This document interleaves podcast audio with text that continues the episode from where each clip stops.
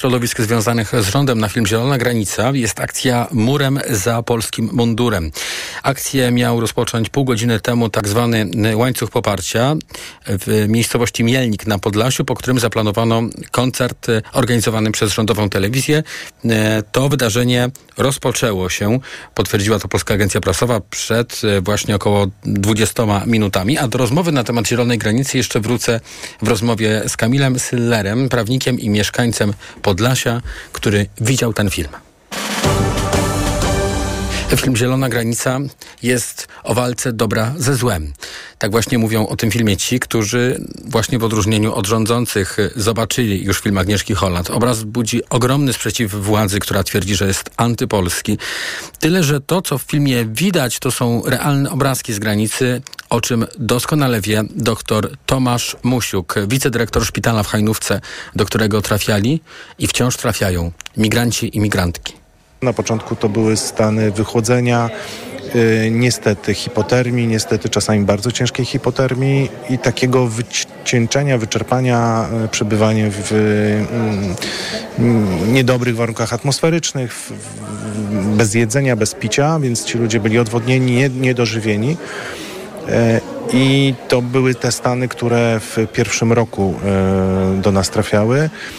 Znacząco się zmieniła sytuacja po wybudowaniu muru granicznego między Polską a Białorusią. Zupełnie zmienił się profil pacjenta na pacjenta urazowego. Czyli rozumiem złamania, upadki z muru. Dokładnie. Skomplikowane bardzo hospitalizacje, bo to były złamania obu kończyn albo rąk i nóg również, złamania kręgosłupa, złamania kości miednicy. No i takie przyczyny y, pobytu nas w szpitalu wiązały się z, z, bardzo skomplikowanymi zabiegami operacyjnymi i te hospitalizacje no, trwały znacząco dłużej. Panie doktorze, to powiedzmy, czego pan jako lekarz nauczył się w całej tej historii związanej z kryzysem humanitarnym na polsko-białoruskiej granicy i na ile to człowieczeństwo, o którym dużo mówimy w kontekście praw człowieka, tutaj dało sobie znać? Bardzo, bardzo takie charakterystyczne jest to, że przeszliśmy do tego, co się dzieje na tej granicy, do tych pacjentów, którzy są cudzoziemcami, którzy są migrantami. Oni do nas nie powinni trafić. To nie powinni być nasi pacjenci. Statystycznie nie trafiliby w swoim życiu prawdopodobnie do szpitala, natomiast trafiali w bardzo różnym stanie, w bardzo różnym cierpieniu, zostawali z, z jakimś inwalidztwem,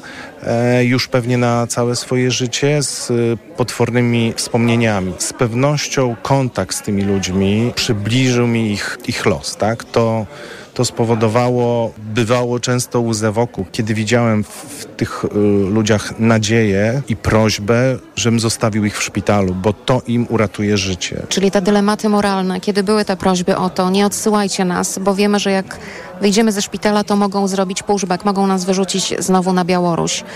E, dużo było tych dylematów? My musieliśmy jako pracownicy szpitala no, działać bardzo profesjonalnie. Była trochę pokusa. Nie mogliśmy się stać y, pomocą humanitarną, tylko musieliśmy być pomocą medyczną, bo gdybyśmy przytrzymywali tych pacjentów, nie mielibyśmy gdzie kłaść nowych. Były takie pokusy chyba w wielu osobach, żebyśmy nie pozwalali wychodzić tym ludziom jeszcze ze szpitala. No ale przyznam też, że były takie pytania i żeśmy decydowali się na okresowo, na przedłużanie pobytu po to, żeby jednak postawić tą osobę już nie tylko zdrowotnie, ale też psychicznie e, bardziej na nogi, żeby mogła sobie radzić co dalej. Obejrzy pan Zieloną Granicę? Jak najbardziej, nie mogę się doczekać.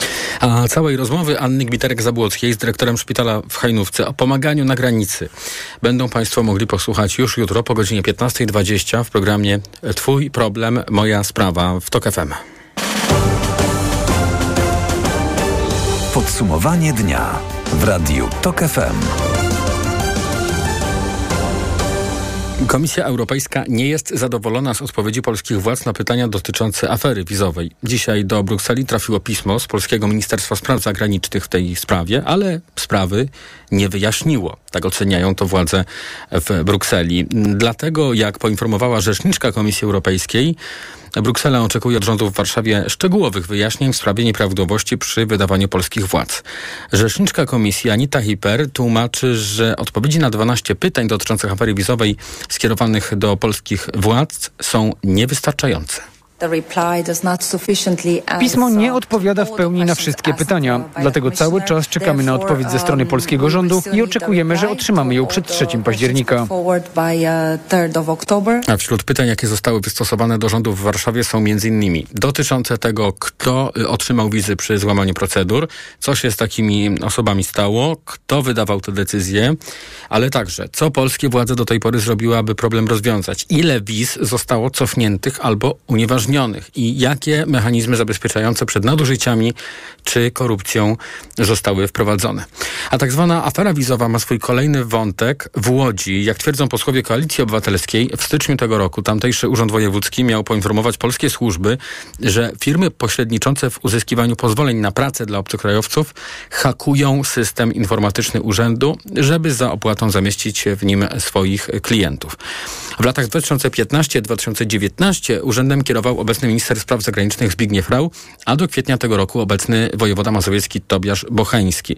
Dlatego poseł Michał Szczerba zapowiada kontrolę również w mazowieckim urzędzie. Jeżeli takie praktyki miały miejsce w Łodzi, to one się mogą powtarzać i w Warszawie. Prokuratura prowadzi śledztwo w sprawie korupcji przy wydawaniu wiz od marca, a w tej sprawie jak dotąd zarzuty usłyszało 7 osób.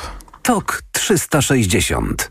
Liczba zachorowań na gruźlicę w Polsce rośnie. Pojawia się również odmiana oporna na tradycyjne leczenie. Według szacunków Światowej Organizacji Zdrowia w 2021 roku, z którego pochodzą ostatnie dane, na gruźlicę zachorowało ponad 10 milionów ludzi, a ponad 1,5 miliona zmarło. Gruźlica zabija codziennie prawie 4,5 tysiąca ludzi, w tym 700 dzieci. A to czyni ją najbardziej śmiertelną chorobą zakaźną na świecie. Do tego tematu szeroko wrócimy wieczorem, a już teraz o najważniejszych kwestiach reporterka TOK FM Małgorzata Waszkiewicz. Gruźlica nie jest już dzisiaj tylko chorobą biedy i marginesu społecznego, mówi Małgorzata Koszela, pulmonolożka ze Szpitala Leśne w Obornikach Śląskich na Dolnym Śląsku. Mieliśmy tutaj na oddziale zawodowego piłkarza, młodego sportowca, który zaraził się gruźlicą i miał dość spore zmiany. Mamy aktualnie panią informatyczkę, która pracuje zdalnie w domu i rzadko wychodzi, a jednak się też zaraziła. Mamy inżyniera budowlanego budownictwa, ludzie, którzy by nigdy nie myśleli, że się zarażą. Źródłem zakażenia może być każdy chory, który się nie leczy. Wystarczy, że taki chory pójdzie do sklepu, a my tam będziemy robili zakupy i też się zarazimy. Każdy może się zarazić. Nigdy nie wiemy kiedy i jak. Więc no, musimy być czujni wszyscy. Gruźlica może spotkać każdego z nas. Ludzie zaszczepieni też mogą zachorować, ale szczepienia chronią przed najcięższym przebiegiem choroby. Na oddziale leczenia gruźlicy w Obornikach Śląskich jest 76 miejsc. Pacjenci leczą się tam przez wiele miesięcy. Mam na imię Marcin, choruję od trzech miesięcy. Objawy przypominały grypę. Powiedzmy grypę, poliooskrzeli i tym podobne. Ja się przez trzy miesiące sam leczyłem. Czyli grypeksy, inne takie leki dostępne z apteki bez recepty. Rezultatu nie było. Coraz gorzej się czułem. Mam na imię Adam. No jestem tutaj sześć miesięcy. Jestem po raz drugi po trzech latach. Wydawało mi się, że jest to choroba już no, mało spotykana. Nie spotkałem się nigdy z osobą chorą. Byliście panowie zaskoczeni, że to jest e, gruźlica? No ja na pewno.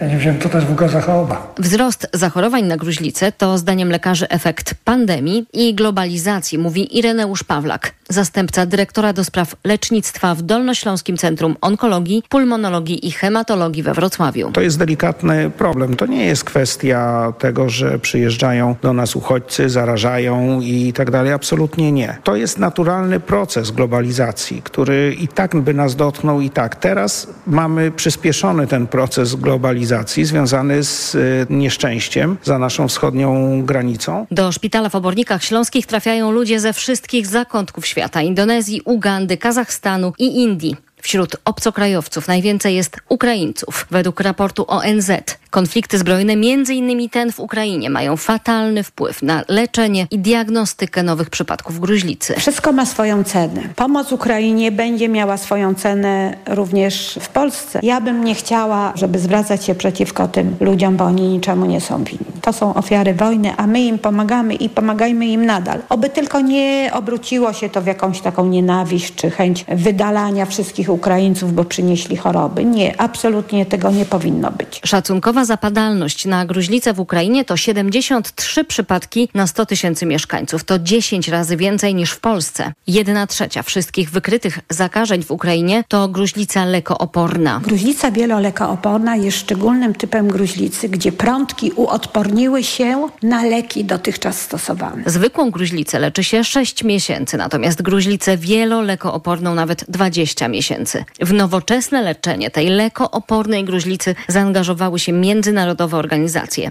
WHO i Lekarze Bez Granic. Na razie w Polsce nie ma systemowych rozwiązań, mówi Małgorzata Koszela. No jest taki plaster zrobiony. Mamy leki z WHO i super, jest dobrze. Polski rząd musi przygotować się na to, że zewnętrzne finansowanie kiedyś się skończy. Jeżeli nie będziemy mieli takiej dobrej dostępności do leku, to sobie z tą gruźlicą wielolekooporną nie poradzimy. Rozwiązania systemowe potrzebne są na poziomie lokalnym i globalnym, mówi Joanna Ładomirska, koordynatorka medyczna Lekarzy Bez Granic w Polsce. Nie wystarczy jakieś łatanie dziur, trzeba naprawdę do tego podejść systemowo, bo jest to choroba, która była, jest i będzie. Co roku na gruźlicę umiera półtora miliona ludzi na całym świecie. Małgorzata Waszkiewicz, TOK FM. TOK 360 do tematu gruźlicy jeszcze wrócimy po godzinie 20, e, bo gruźlicy poświęcone było dzisiejsze spotkanie wysokiego szczebla ONZ, e, a po godzinie 20 po emisji pełnego reportażu Małgorzaty Waszkiewicz na ten temat e, do dyskusji z ekspertami, a właściwie na dyskusję z ekspertami zaprosi Państwa Paweł Sulik. Już teraz polecamy nasz wieczorny program. A w podsumowaniu dnia teraz o zaskakującej decyzji prezydenta USA Joe Bidena, który poinformował prezydenta Ukrainy Władimira Zełańskiego, że Waszyngton dostarczy Kijowowi niewielką liczbę pocisków dalekiego zasięgu takılsımı at takması to właśnie tak się nazywają te pociski. Donosi o tym NBC News, powołując się przy tym na trzy źródła w administracji i jedno w kongresie. E, no i to jest to tyle zaskakująca informacja, że wcześniejsze informacje mówiły o tym, że jednak nie będzie e, przekazania właśnie tego rodzaju pocisków. Jednak Amerykanie się na to zdecydowali. Wcześniej Joe Biden ogłosił podczas spotkania z prezydentem Ukrainy nowy pakiet uzbrojenia o wartości 325 milionów dolarów, w tym dodatkową baterię systemu obrony powietrznej Hawk. Zapowiedział, że w przyszłym tygodniu do Ukrainy trafią pierwsze czołgi Abrams. O kolejne transze pomocy może być jednak coraz trudniej, bo w Stanach Zjednoczonych zbliżają się wybory prezydenckie. A wraz z nimi rośnie sceptycyzm co do pomocy Ukrainie wśród republikanów. Tłumaczył w TOK FM dr Łukasz Pawłowski, publicysta, doradca polityczny i współautor podcastu amerykańskiego wpływy polityczne tej frakcji izolacjonistycznej są silniejsze na prawicy i one będą e, rosnąć. I e, większość republikańska w Izbie Reprezentantów musi się tej mniejszości poddawać. E, przed, już teraz przy okazji wizyty Zełańskiego był taki list bodaj 25 republikanów, zarówno z Senatu, jak i z Izby Reprezentantów, w którym oni otwarcie powiedzieli, że się sprzeciwiają przyznaniu kolejnej transzy pomocowej, bo nie wiedzą, na co te pieniądze są wydawane i czy one są na pewno dobrze wydawane, więc to jest taka sugestia kwestia też tam, że no, Ukraina jest państwem skorumpowanym, któremu nie do końca warto e, pomagać, prawda?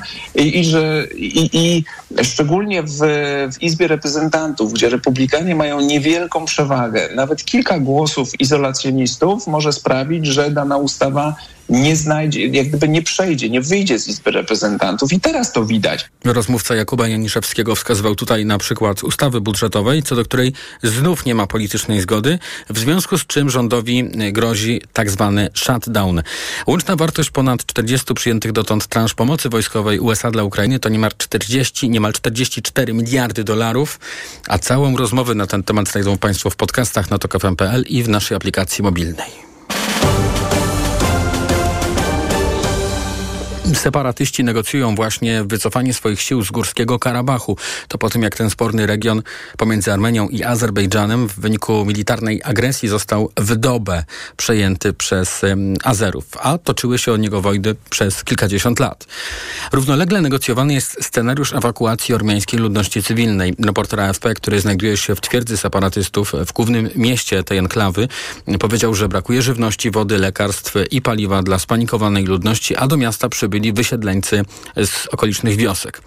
Wszystkiemu temu z oddali bezczynnie przyglądają się władze Armenii. Premier tego kraju Nikol Paszynian twierdzi, że sytuacja w regionie pozostaje napięta.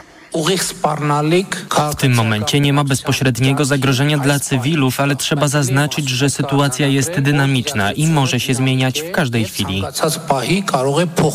Państwa Zachodu wzywają Azerbejdżan do otwarcia jedynej drogi między Armenią i Górskim Karabachem, tak żeby mieszkańcy, mieszkający tam Ormianie mogli swobodnie opuścić dotknięty kryzysem humanitarnym region.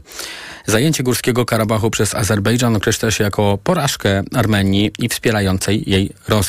Ormianie o przegrany konflikt obwiniają politykę rządu i strajkują, o czym informowaliśmy w TOK 360 od trzech dni przed siedzibą premiera Paszyniana w Erywaniu, żądając jego dymisji. To jest y, najcieplejszy wrzesień w historii pomiarów. Wartości średnich temperatur przekraczają normy o 3,6 stopnia Celsjusza. Poza falą upałów mamy też bardzo ciepłe noce. Noce tropikalne i dochodzące prawie do 30 stopni przez znaczną część września temperatury to nie jest norma, przyznaje Grzegorz Walijewski, rzecznik Instytutu Meteorologii i Gospodarki Wodnej. Co prawda, do końca września jeszcze kilka dni, ale według prognozy długoterminowej jest naprawdę duża szansa, że ten wrzesień okaże się najcieplejszym, bo cały czas widać napływ ciepłych mas powietrza. Co niestety nie jest dobre dla przyrody. E, jednak tak wysokie wartości powodują pewne zmiany zarówno w świecie zwierzęcym, jak i roślinnym. Niektóre rośliny troszkę mogą być ogłupiałe, mogą puścić e, jakieś pąki albo nawet owocować kolejny raz. Taki gorący wrzesień pogłębia także problem suszy. TOK 360. Do przewidywań synoptyków dotyczących najbliższych godzin i dni jeszcze będziemy wracać, jak zwykle o tej porze w podsumowaniu dnia, ale teraz wracamy y, do tematu, od którego zaczęliśmy tę część informacyjną naszego programu, bo premierowy pokaz Zielonej Granicy w Białymstoku z udziałem Agnieszki Holland próbowała zakłócić grupa chuliganów, niestety z wicemarszałkiem województwa podlaskiego. Reżyserka przypomniała, że to jedyny pokaz jej e, filmu.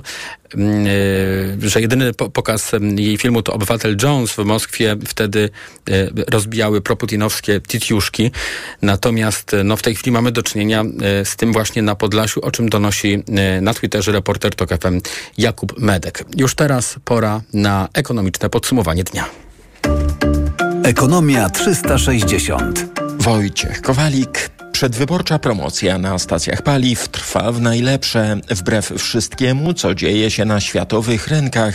Przez działania państwowego Orlenu, który przed wyborami sztucznie zaniża ceny, przybywa stacji, na których można zatankować poniżej psychologicznego progu 6 zł za litr, mówi Grzegorz Maziak z ePetrol.pl. Ten poziom 6 zł e, widzimy na coraz większej liczbie stacji. Średnia ogólnopolska jeszcze jest ciągle powyżej e, szóstki e, i w tym tygodniu 6 zł 13 groszy. E, tyle średnio płacimy za litr 95-oktanowej benzyny według notowań ePetrol.pl. E, bliżej tej psychologicznej granicy jest już olej napędowy, bo tam średnia to 6 zł i 5 groszy. Dla autogazu mamy 2 zł 85 groszy. No i to, co warto zauważyć, to dynamikę zmian na stacjach, bo w skali tygodnia mamy obniżki rzędu 26 groszy na benzynie, 20 groszy na oleju napędowym. E, I praktycznie z dnia na dzień, a na niektórych stacjach nawet i dwa razy dziennie widzieliśmy korekty i to były praktycznie same korekty w dół. E, więc można spokojnie zakładać, że w przyszłym tygodniu ta średnia ogólnopolska e, poniżej 6 zł się znajdzie. Ale w hurcie widać już pewne uspokojenie sytuacji, podkreśla ekspert, więc dalsze tak zaskakujące obniżki mogą stawać powoli pod znakiem zapytania. W przyszłym tygodniu średnia cena oleju napędowego i benzyny powinna znaleźć się w przedziale 5 zł 90 5 zł 99 groszy. Kredyty mieszkaniowe z państwowymi dopłatami są tak popularne, że właśnie padają ofiarą własnego sukcesu. Nie tylko ustawiają się po nie kilometrowe kolejki w bankach, ale już zaczynamy wykorzystywać przyszłoroczne limity, jakie na dopłaty przewidział rząd.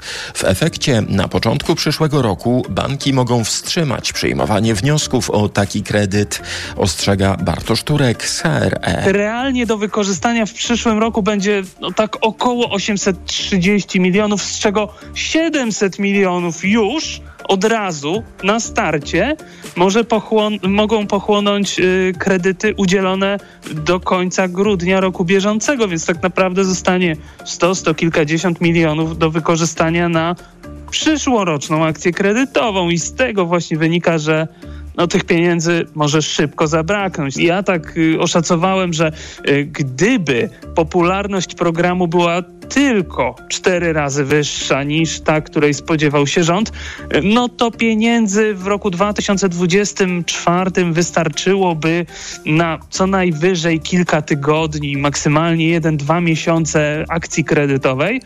E, no, czyli do wiosny pieniędzy nie starczy. I wtedy Bank Gospodarstwa Krajowego może ogłosić koniec przyjmowania wniosków, chyba że rządzący zdecydują się dosypać do programu dodatkowe pieniądze. W każdym razie, zdaniem eksperta, chętni na taki kredyt nie powinni czekać. Tu Radio Tok FM, pierwsze radio informacyjne. Europejska gospodarka jest na recesyjnym kursie. Pokazują to najnowsze wstępne odczyty tzw. Tak wskaźników PMI, obrazujących nastroje w poszczególnych gałęziach gospodarek. O ile przemysł od dawna ma duże kłopoty i coraz mniej zamówień, to fatalne nastroje zaczynają panować również w sektorze usługowym. Ekonomiści komentujący te odczyty nie wykluczają, że strefa euro właśnie właśnie teraz, w trzecim kwartale, weszła w recesję, a strefa euro to nasz największy partner handlowy, więc efekty recesji tam odczujemy również w naszej gospodarce, w której też utrwala się pesymizm, jak zauważają eksperci Konfederacji Lewiatan. Dzisiejsze dane GUS-u wskazują, że wrzesień przyniósł ogólne pogorszenie nastrojów w firmach. Wrześniowe odczyty są dowodem na to, że nie ma większych nadziei na rozruszanie gospodarki gospodarki pod koniec roku, pisze ekspert ekonomiczny Lewiatana. Złoty dziś trochę silniejszy, euro jest na granicy 4 zł i 60 groszy, frank po 4,76, dolar 4,31, funt po 5,29. A na koniec o tym, jak król polskiej kuchni stał się królem inflacji. Ziemniaki, bo o nich mowa, drożeją w ekspresowym tempie. Ziemniaki są dzisiaj najsilniej drożejącym produktem żywnościowym w Polsce. W sierpniu ziemniaki zdrożały o 40% w skali roku, mówi Mariusz Dziwulski, ekspert do spraw analiz rynku rolno-spożywczego w PKO Banku Polskim. Ziemniaków na rynku jest mniej, bo ciągle zmniejsza się powierzchnia ich upraw swoje dołożyła susza. A ponieważ jesteśmy właśnie na progu zbiorów ziemniaków, więc od nich będzie zależał dalszy kierunek cen, dodaje ekspert. Kluczowy był ten sierpień, kiedy ta dostępność wody była mniejsza, no i susza do pewnego stopnia ograniczyła plony, natomiast ona przypada na taki okres, kiedy ziemniaki nie, nie miały może aż tak dużego zapotrzebowania e, na wodę, więc są producenci, którzy wskazują na to, że te plony mogą być w tym roku e, dobre. Ale jeszcze jeden czynnik e, Joint Research Center, to jest taka jednostka badawcza przy Komisji Europejskiej, e, wskazuje na to, że plony ziemniaków w Polsce mogą być w tym roku 11% niższe. Jeżeli ta, takie prognozy by się zmaterializowały, e, no to można oczekiwać spadku zbiorów i też wzrostu cen. Łagodzić wzrosty cen mogą dobre plony w czterech krajach Europy, które odpowiadają za 60% całej europejskiej produkcji. Ekonomia 360. Pogoda. Jutro niestety będzie już znacznie chłodniej niż było wczoraj, niż było dzisiaj, bo idzie spore ochłodzenie. Będzie pochmurno, deszczowo, a nawet burzowo to w południowo-wschodniej części Polski. Przelotny deszcz możliwy także na Pomorzu. A jeśli chodzi o wskazania termometrów, najmniej 17 stopni w Olsztynie, a najwięcej 25 w Lublinie i Białymstoku. Radio TOK FM. Pierwsze radio informacyjne. TOK 360. Za chwilę w programie połączymy się z Kamilem Syllerem, prawnikiem i mieszkańcem Podlasia, którego będę pytał o film Zielona Granica. Film, który od dzisiaj można oglądać w kinach, który wstrząsnął polską sceną polityczną za sprawą tej prawej strony sceny politycznej, a konkretnie obozu rządzącego, któremu film bardzo się nie podoba w czasie, gdy politycy rządzący w ogóle nie widzieli tego filmu, więc porozmawiamy z kimś, kto ten film widział. Reklama. Czy wiesz, że wiele wycen wywłaszczonych nieruchomości zawiera błędy, których skutkiem jest zaniżenie wartości odszkodowania? Jako strona postępowania możesz aktywnie bronić swojego interesu. Wejdź na stronę jakprzeżyćwywłaszczenie.pl i uzyskaj nieodpłatną pomoc prawną. Kampania społeczna Fundacji Inlegi sfinansowana ze środków pochodzących z 1,5% podatku. Kaszel suchy, a może jednak mokry? Nie zawsze łatwo je rozróżnić, dlatego sięgnij po syrop Herbapekt. To właściwe rozwiązanie zarówno na kaszel suchy, jak i utrudnione odkrztuszanie. Nie wiesz, jaki masz kaszel? Ale wiesz, jaki lek wybrać. Herbapekt, numer jeden na Twój kaszel. Herbapekt, produkt złożony, suchy kaszel, utrudnione odkrztuszanie. Aflofarm. To jest lek. Dla bezpieczeństwa stosuj go zgodnie z ulotką dołączoną do opakowania. Nie przekraczaj maksymalnej dawki leku. W przypadku wątpliwości skonsultuj się z lekarzem lub farmaceutą. Tomasz, chcesz zwrot za narzędzia? Tomasz! Masz to Brico! Tata tanio, tanio tutaj wszystko! Tata tanio, kupuj z pasją dziką! Sprawdź, gdzie tani, tani wyjdzie ci to! Masz to! Teraz w Brico Marché przy zakupie dowolnych elektronarzędzi zwracamy aż 15% ich wartości na kolejne zakupy. No i gdzie najlepsze okazje masz? Masz to Brico! Boli mnie gardło. Mamo, zerkniesz? Czerwone.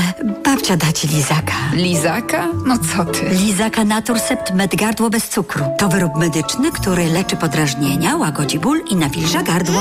Mmm, pyszne. Jak gardełko? Już nie boli. To jest wyrób medyczny. Używaj go zgodnie z instrukcją używania lub etykietą. Łagodzi podrażnienia, nawilża i odświeża błonę śluzową jamy ustnej i gardła. Aflofarm. Lizaki Naturcept Med. Pysznie smakują, gardło kurują.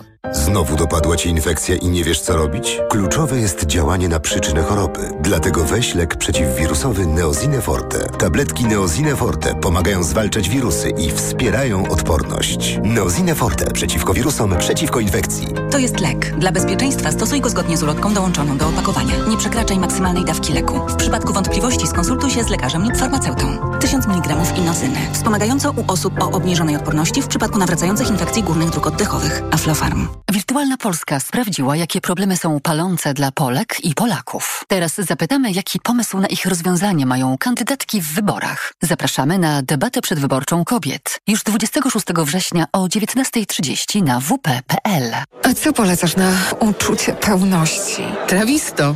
Ciężkość na żołądku. Trawisto. Gazy. Trawisto. Suplement diety Trawisto zawiera wyciąg z owoców kopru, który wspomaga trawienie i eliminację nadmiaru gazów. Aflofarm. Aniu, boli mnie gardło. Czy możesz wziąć za mnie zastępstwo w piątej A? Oczywiście, Ewa. A ty na zapalenie gardła weź pastylki do ssania Septinum Silver. Wyrób medyczny Septinum Silver dzięki zawartości nanosrebra wspomaga leczenie infekcji bakteryjnych i wirusowych gardła. Łagodzi ból, chroni i nawilża gardło. Septinum Silver. Pierwsza pomoc przy bólu gardła. Dostępny także w sprayu. Producent oraz podmiot prowadzący reklamę Zdrowit.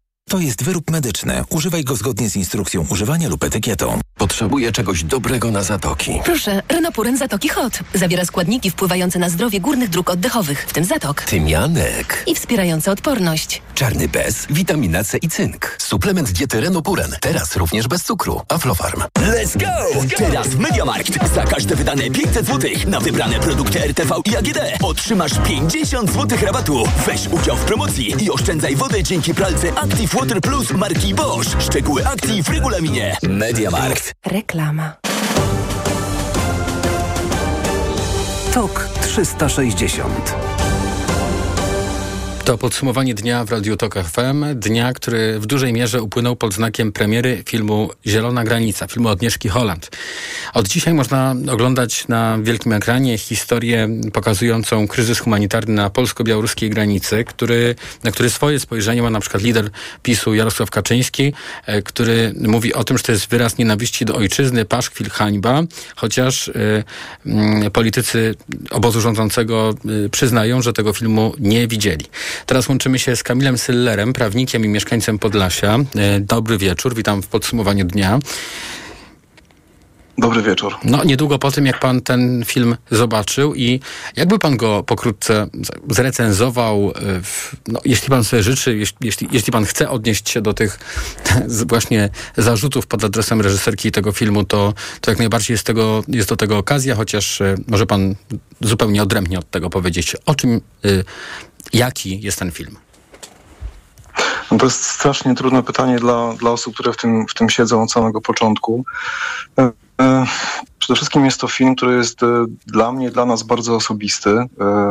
To jest prawie dokument. My tam po prostu widzimy dużo sytuacji, które, które znamy z, z naszego życia. To jest kawał naszego życia i kawał życia ludzi, którzy, którzy w tym naszym życiu się znaleźli w taki właśnie zupełnie niecodzienny sposób. E, mamy też w związku z tym bardzo wysoko ustawioną poprzeczkę krytyki. E, mnóstwo rzeczy wybaczamy Agnieszce. E, wiemy, jakie były warunki pracy, wiemy, że nie mogła kręcić w puszczy. Wiemy też, jaki, jakie były ograniczenia, jeżeli chodzi właśnie o te kwestie, no, nawet takie czysto, nie wiem, ludzkie emocjonalne, bo ona musiała się zmierzyć z samego początku z perspektywą tego, co się wydarzy teraz i na pewne na pewne jakieś tam pewnie mm, sceny sobie mm, założyła margines bezpieczeństwa, natomiast uważamy, że i tak y, pokazała dużo, dużo rzeczy, które są, które są dosyć drastyczne. Stąd właśnie ta nasza ocena jest, czy moja ocena jest taka subiektywna i, i, i niedoskonała. Nie, nie patrząc na film mm, pod kątem tego, że to jest dzieło artystyczne, tylko właśnie to jest coś jak dokument. Natomiast dla nas, aktywistów, czyli mieszkańców, którzy uczestniczą w tym kryzysie od samego początku i, i z tymi ludźmi, którzy są na ekranie, pokazani, mamy do czynienia na, na, na co dzień praktycznie. Mieliśmy dużo różnych wspólnych y, y, no, emocji, również ze strażnikami granicznymi. Y, to jest też taki film, który nam mm, wrzucił pewien brakujący element do, do głów. Po prostu mm, my tych ludzi spotykamy w jakimś tam punkcie X, a co się dzieje przed tym punktem, to my wiemy z relacji, z jakichś tam filmików e, nagranych e, na granicy, z opowieści właśnie, z, z takich, e, no takich właśnie opowieści, które, które musimy sobie wyobrazić. A Agnieszka tutaj zrobiła taką robotę właśnie zajmując się tym tematem, że nam włożyła do głowy ten element brakujący tej, tej, tej całej kładanki. Więc tych ludzi tej chwili możemy też zobaczyć pełni. To jest film, który opowiada e, historię psycholożki, która dołączyła do aktywistów wspierających uchodźców. O samych uchodźcach, że e, oni znaleźli się tam e, przy granicy, bo zostali oszukani przez białoruski reżim. Wreszcie o strażnikach granicznych. E, czy w przypadku tych ostatnich można powiedzieć, że ten film uderza w tych strażników? To, jest te, te, to są te zarzuty pod adresem filmu. Ja uważam, że absolutnie nie. Y, sytuacje, które, które my tam właśnie widzimy, czy, czy, czy ja widzę w tym filmie, one się wydarzyły. Y, część widziałem, część, o części słyszałem od bliskich znajomych, część znamy z relacji y, samych uchodźców. Widzimy skutki działania strażników w postaci bardzo ciężkich obrażeń ciała na przykład. No, Dam, dam przykład y, mm, z tutaj bardzo y, bliskiego mi kręgu, bo chodzi o moją żonę, y, którą wyciągali, właśnie wyciągała grupa specjalna Straży Granicznej z samochodu mierzącej z, w, w głowę z, po prostu z broni palnej. To jest element, którego, o którym ja słyszałem potem po prostu. Natomiast tutaj w, w tym filmie ten element się pojawił. Ja go zobaczyłem, bo zobaczyłem żonę wyciąganą z samochodu właśnie przez strażników w brutalny sposób. Więc nie uważam, żeby, żeby to, żeby elementy y, brutalności strażników, to, to oczywiście jest uproszczenie, bo tam jest, brakuje oczywiście wojska, które jest też bardzo brutalne. E, żeby to było jakoś krzywdzące, bo to było pokazane w sposób obiektywny. Natomiast były też postacie, które, e, które były, widać było, e, były epizody właśnie takich szeregowych funkcjonariuszy, którzy stali przy samochodzie z zażenowaniem na twarzy, że w czymś takim uczestniczą. Są takie osoby i my takie osoby widzieliśmy. Główny bohater, który doznaje przemiany jakieś tam. Mhm. Są też takie osoby właśnie. Jest policjantka, która, która jest pomocna wobec głównego głównej bohaterki. Także ten przekrój jest naprawdę tutaj. Natomiast y, nieobiektywna. Agnieszka była nieobiektywna zupełnie, napluła na mundur, jeżeli chodzi o, o służbę polskie. To jest po prostu, to jest czyste zło, agresja e, zbudowana na, na, na, na chciwości i pogardzie, bez żadnych niuansów. No a władze zarzucają jej wpisywanie się w e, tę wojnę hybrydową e, reżimu na, na, na wschodzie. E, przy czym trzeba podkreślić, podkreślić, że przedstawiciele władz tego filmu nie widzieli, co sami przyznają. Już zbliżając się do końca rozmowy, chciałem zapytać, no bo władze się właśnie powołują na to, że, że, że to obruszyło strażników granicznych, chociaż pewnie jakąś taką wybraną grupę, która jest blisko władzy. Czy y, pan ma taki właśnie, nie wiem, kontakt, miał możliwość pan usłyszeć, żeby strażnicy sami się odnosili w jakiś sposób do tego filmu? Czy, czy słychać jakiś, takie, jakiś taki żal z ich strony? Wiemy, że, wiemy że, chcą, że chcą pójść i to, to wiemy od, od dłuższego czasu już, się na ten film wybierają, także dużo z nich na pewno ten film obejrzy.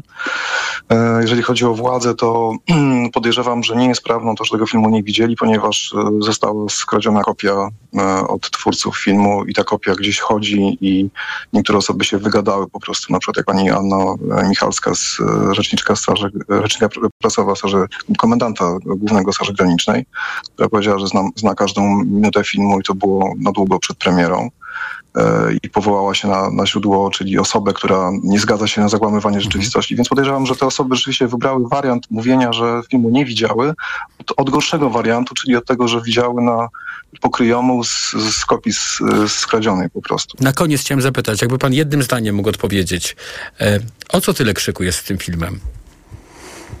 Jak pan uważa? E, no, jak zawsze prawda prawda jest po prostu e, czymś, co, e, e, na co dużo osób wyraża niezgodę i, i tyle. A my, my wiemy, tutaj mieszkający przy granicy, pomagający ludziom na granicy i mający styczność ze strażnikami i żołnierzami, że to jest prawdziwy film i chyba to najbardziej właśnie boli.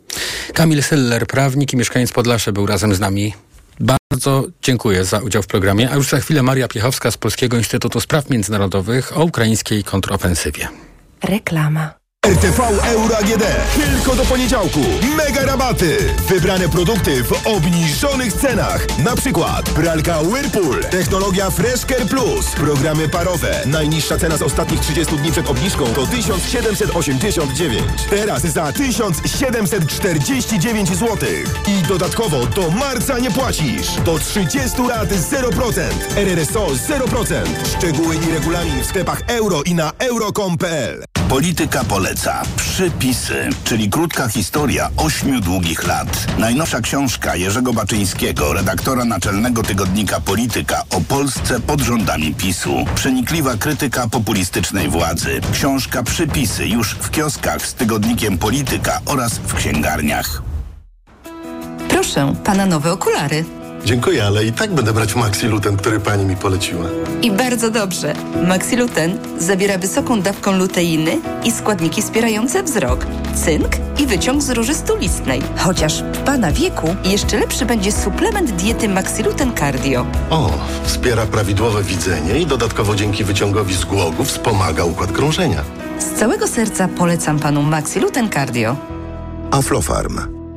Marian, Hmm? a gdzie mogę kupić Na ten... mediaexpert.pl No dobra, ale jakbym chciała jeszcze dokupić... Na mediaexpert.pl No to jeszcze, Marian, żeby to wszystko tanio dostać. Barbara na mediaexpert.pl Gorąca rowerowa oferta sezonu. Tylko w Skitim najnowsze kolekcje rowerów Cube, także hybrydowych, kupisz taniej o 10%. Dodatkowo raty 0% lub wygodny leasing. Ruszaj na szlaki rowerowe z Cube. Adresy sklepów i ofertę sprawdź na skitim.pl. Skitim.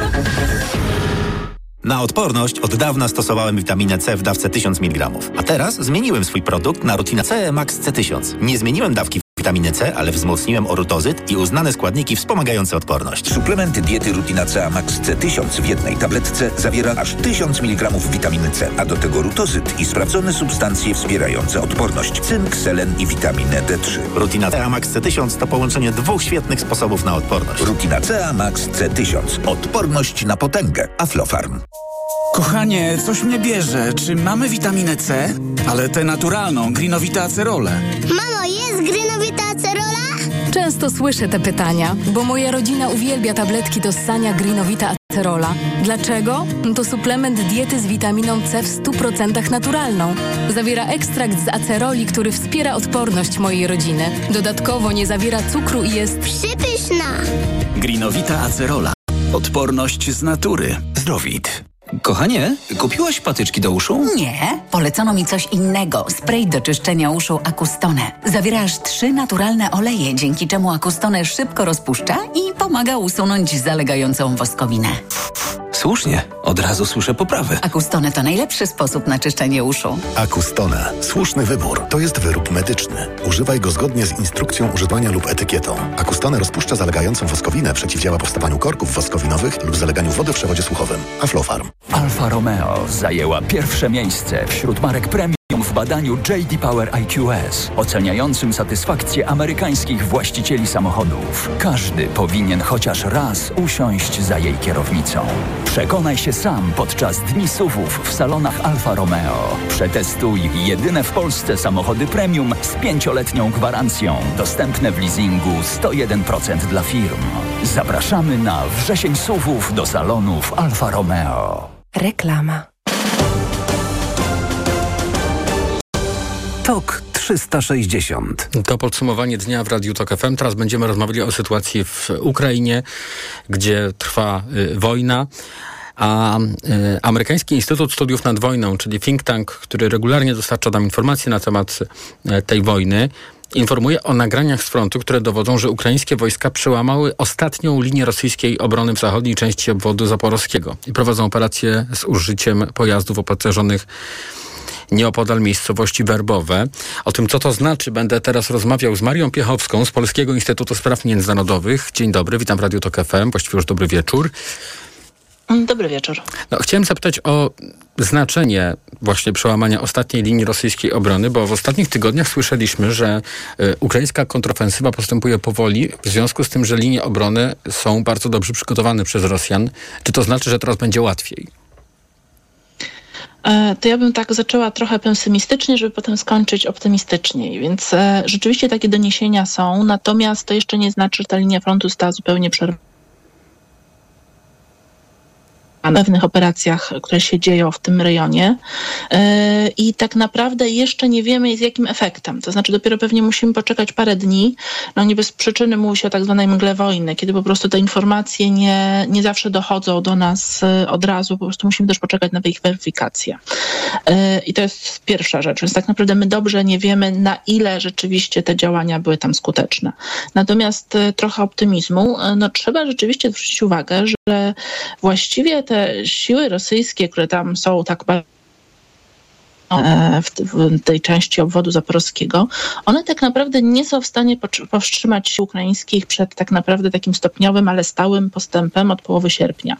Oczywiście jest bardzo powolny postęp, to co obserwujemy. No, chciałoby się, żeby szybciej, stąd też właśnie te wszystkie nasze nadzieje, jak tylko słyszymy, że gdzieś stała linia frontu przerwana. Natomiast on jest powolny, ale jest stały i to jest bardzo dobra wiadomość. I to jest właśnie kolejne, to co właśnie dzisiaj słyszymy, te pierwsze doniesienia o tych działaniach przy tej trzeciej linii obrony, to właśnie jest wolnych, ale cały czas do przodu, krótko mówiąc, działań ukraińskich. Mhm.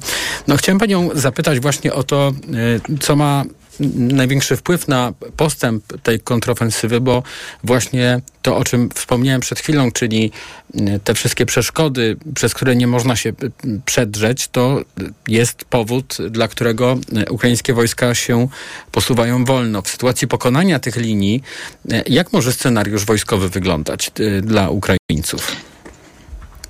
Znaczy to też nie jest takie proste, to nie są takie proste linie, które trzeba przekroczyć. To tak naprawdę są całe systemy różnego tak naprawdę to jest poszatkowane wszystko tymi umocnieniami, więc to nie jest takie proste, że to się przekracza i już jest łatwo. Rosjanie są, no mimo wszystko mają cały czas dosyć dużo ludzi, mają dosyć dużo sprzętu. Tutaj problemem Ukraińców jest to, że oni sprzętu mają coraz więcej i sprzęt, no poza oczywiście systemami obrony samym lotnictwem, którego im bardzo brakuje, no to resztę sprzętu mają, ale znowu jest problem z ludźmi, z szkoleniem, więc to też, e, mówię, wszystko nie jest takie proste. E, niestety ta ofensywa jest bardzo wolna, e, więc to nie jest takie, że on teraz przekroczą tą linię i pójdą mocno do przodu. Ale jest też kwestia psychologiczna, która jest być może mi bliższa niż takie czyste działania militarne, bo raczej tutaj trzeba by szukać ekspertów stricte od kwestii militarnych, ale ja bym chciała tutaj zwrócić uwagę na taką kwestię psychologiczną. Ukraińcy ostatnio skuteczne ataki na Krym, e, które oczywiście oprócz jakichś tam szkód konkretnych, które no, do, tam doszło do szkód konkretnych, no to też jest ta właśnie kwestia takiej wojny psychologicznej. Pokazują, możemy, nie mamy problemu, żeby atakować na Krymie. I to działa na takiego rosyjskiego żołnierza, który mam nadzieję o tym usłyszy, chociaż to też tam wiadomo, ze względu na cenzurę wojskową różnie może bywać, ale to generalnie działa na korzyść Ukrainy. I to są takie drobne rzeczy, które tutaj Krym, tutaj E, właśnie te powolne zdobywanie, mhm. tutaj jeszcze kilka innych rzeczy i może się okazać, że w pewnym momencie taka jakby ten, ta ofensywa, która jest wolna, ona po prostu przyspieszy, bo wiele drobnych elementów na to się po prostu złoży. Mm, jeśli chodzi o te ataki na Krym, to one są coraz częstsze i nawet jeśli e, cenzura zabroni dostęp do takich informacji, to najzwyczajniej słychać wybuchy, o których coraz częściej słyszy, słyszą w mediach społecznościowych także Rosjanie, jak wynika e, z e, przekazów. Czy nasilenie tych ataków na terenie Krymu świadczy o rosnącej sile ukraińskiego wojska i o, o tym, że Krym staje się powoli osiągalny? No, ja bym bardzo chciała, żeby tak było. E, na pewno, e, na pewno Ukraińcy jakby też dobrze wybierają moment, kiedy atakują. Tu właśnie chodzi o takie pokazywanie, że my możemy. To tak jak wcześniej było z tym atakiem na most krymski, teraz właśnie z atakami na różnego rodzaju infrastrukturę e, wojskową na Krymie. Oni pokazują, my, jakby my możemy. Natomiast też rzeczywiście tutaj oni są bardzo mocno uzależnieni od sprzętu zachodniego, który po prostu nie do końca państwa zachodnie przekazują sprzęt właśnie takiego dalekiego zasięgu, którymi mhm. mogliby Rosjanie, y, Ukraińcy tych Rosjan mocniej jeszcze tam na tym Krymie powiedzmy docisnąć. I tutaj pozwoli Ale pani, że przejdziemy są... do informacji takiej świeżej z ostatniej godziny dotyczącej decyzji prezydenta Bidena, który poinformował prezydenta Załęskiego, że Waszyngton dostarczy Kijowowi niewielką, bo niewielką, ale jakąś liczbę pocisków dalekiego zasięgu. To są te posiłki, te pociski, o które tak bardzo Ukraina zabiegała. Jak wiele to może zmienić? E, to na pewno pomoże e, Ukraińcom. No tutaj zobaczymy dokładnie, jakiego typu to będą pociski, w sensie takim, czy rzeczywiście będą mogły być wykorzystane na Krymie. Wiemy, że brytyjskie Storm Shadowy już tam właśnie operują e, i bardzo się przyczyniły tak naprawdę do pewnych sukcesów ukraińskich. No miejmy nadzieję, bo tutaj usłyszeliśmy pewną prawda, liczbę tych pocisków, miejmy nadzieję, że ich będzie na tyle dużo, żeby rzeczywiście robić różnicę. Bardzo dziękuję za ten komentarz. Mar Maria Piechowska z Polskiego Instytutu Spraw Międzynarodowych była razem z nami w podsumowaniu dnia. Tok 360. A skoro mamy piątek i zbliża się godzina 19 i jesteśmy w środku kampanii wyborczej, to Adam Ozga y, po raz kolejny, jak co tydzień, przypomni Państwu, jak było przed laty w polskiej polityce, y, a właściwie przyjrzy się y, z bliska temu, w jaki sposób funkcjonował obóz władzy. Tym razem to będzie rok 2018. No i właśnie w związku z cyklem felietonów ostatnich 8 lat Adamowi Ozdze teraz oddaję głos. 2018. Rok stulecia polskiej niepodległości. Chcę, żebyśmy szli pod naszymi biało-czerwonymi sztandarami razem w atmosferze radości. Nie czerwona, nie tęczowa,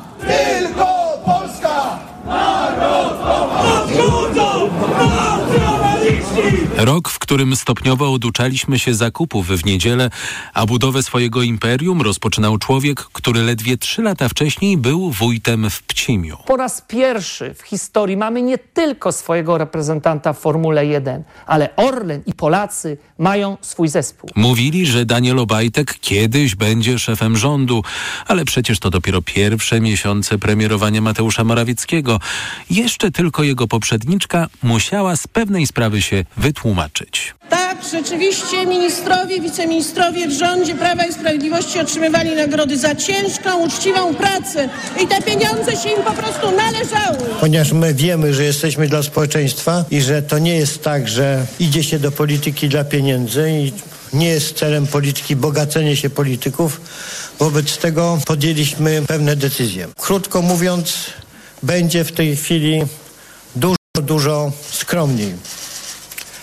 Dużo skromniej niż było dotychczas. Szeregowy poseł zafundował parlamentarzystom, ale też samorządowcom obniżki wynagrodzeń, ale spokojnie obniżki czasowe. W przyszłości przyjdzie wyrównanie i to wcale nieskromne.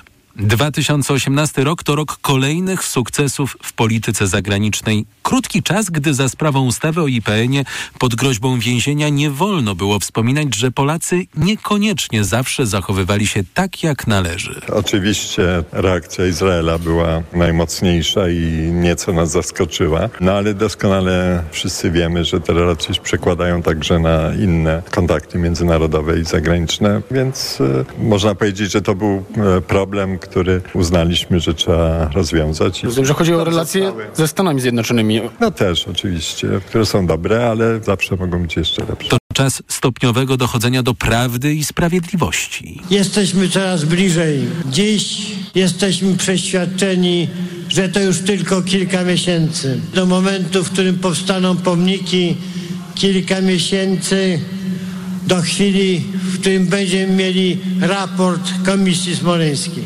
No nie, Antoni Macierewicz już wprawdzie wiedział, co wydarzyło się w Smoleńsku, ale przecież dopiero zaczynał dobieranie dowodów. Pomniki rzeczywiście zaczęły powstawać. W Warszawie PiS nawet przejął w tym celu plac Piłsudskiego.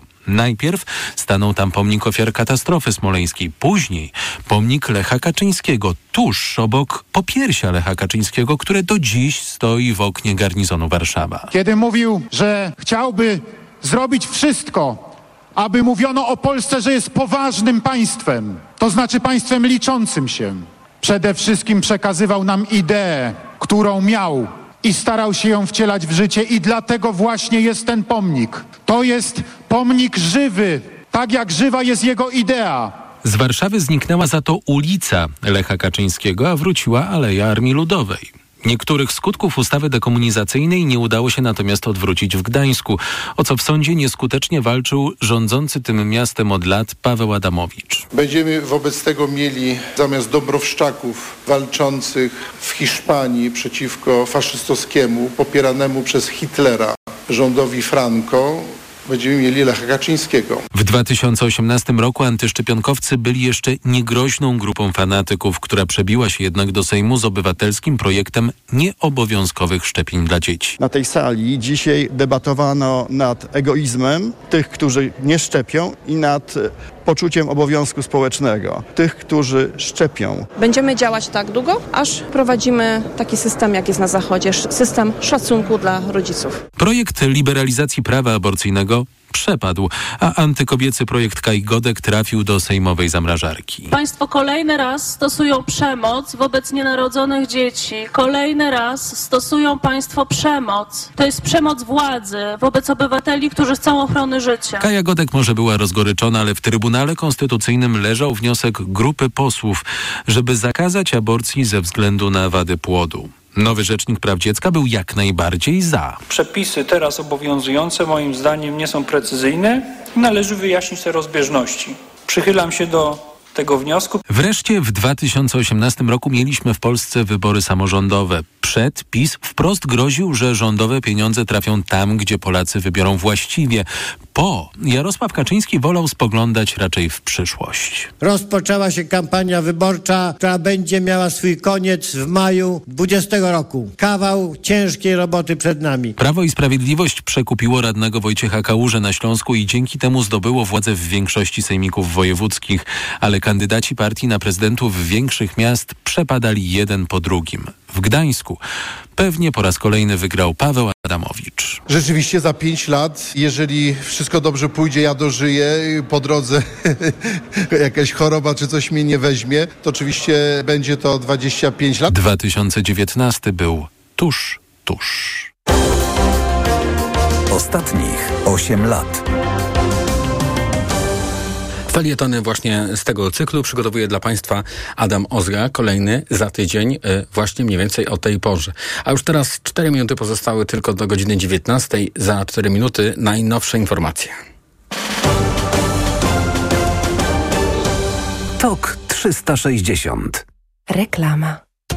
Dane pokazują, że samochody dostawcze Fiat Professional są teraz bardzo chętnie wybierane. Zgadza się, to nowoczesne, wszechstronne i ładowne auta, jak choćby flagowy model Ducato. Dlaczego warto go wybrać? Powodów jest mnóstwo. Sprawdzona i wciąż ulepszana konstrukcja, trwałe silniki, tanie części zamienne i ogólnie niskie koszty użytkowania. Nie czekaj! Teraz możesz mieć Ducato i inne auta dostawcze gamę Fiat Professional. W leasingu dla firm od 102% i z pakietem ubezpieczeń OC i AC w cenie.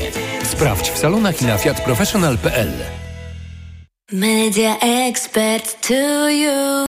Media expert to you. Niskie ceny świętuje. Teraz w Media Expert przeceny na urodziny. Smartfony, smartwatche, laptopy, hulajnogi elektryczne, słuchawki bezprzewodowe, rowery elektryczne w super niskich cenach. A do tego nawet 40 lat 0%. Włączamy niskie ceny. RRSO 0%. Rutozyt ze składnikami wspierającymi odporność to moja tarcza ochronna jesienią i zimą. Nie zrezygnuję z niej, ale mogę ją wzmocnić biorąc Rutina C Max C1000, bo ma mega dawkę witaminy C. Suplement diety Rutina C Max C1000 w jednej tabletce zawiera rutozyt i sprawdzone substancje wspierające odporność, cynk, selen i witaminę D3, a do tego aż 1000 mg witaminy C. Rutina C Max C1000 to połączenie dwóch świetnych sposobów na odporność. Rutina C Max C1000. Odporność na potęgę. Aflofarm. Łap okazję w Stokrotce. Tylko w sobotę herbata Lipton Yellow Label za złotówkę. Przy zakupie innych produktów za minimum 69 zł z aplikacją. Regulamin na www.stokrotka.pl. Zapraszamy na zakupy. Co można kupić za 40 groszy?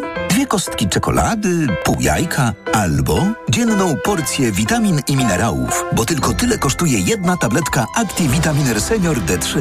Suplementy diety ActiVitaminer Senior D3 to witaminy i minerały wzbogacone aż o 2000 jednostek witaminy D3, tak potrzebnej jesienią i zimą. ActiVitaminer Senior D3 znajdziesz w swojej aptece w bardzo dobrej cenie. Witamina D pomaga w prawidłowym funkcjonowaniu układu odpornościowego. Aflofarm. Więcej na vitaminer.pl. Najlepszy polski design na targach rzeczy ładnych. Ceramika duetu Malwina Konopacka Dawid Podsiadło. Wystawa okładek polskiego New Yorkera. Do tego 240 wystawców i tysiące ładnych rzeczy. Targi rzeczy ładnych 23-24 września. Expo 21 Warszawa. Kaśka, to ty? Tak. Ale schudłaś. Stosujesz jakąś dietę? Nie, stosuję tabletki na wątrobę Hepa Slimin. Zobacz, wątroba spisuje się wspaniale i jem wszystko, choćby czekoladę. Widzę, że Hepa Slimin wspomaga też utrzymanie smukłej sylwetki. To tylko taki słodki dodatek. Przecież ja nie muszę się odchudzać. Pewnie, że nie. To ja też będę brać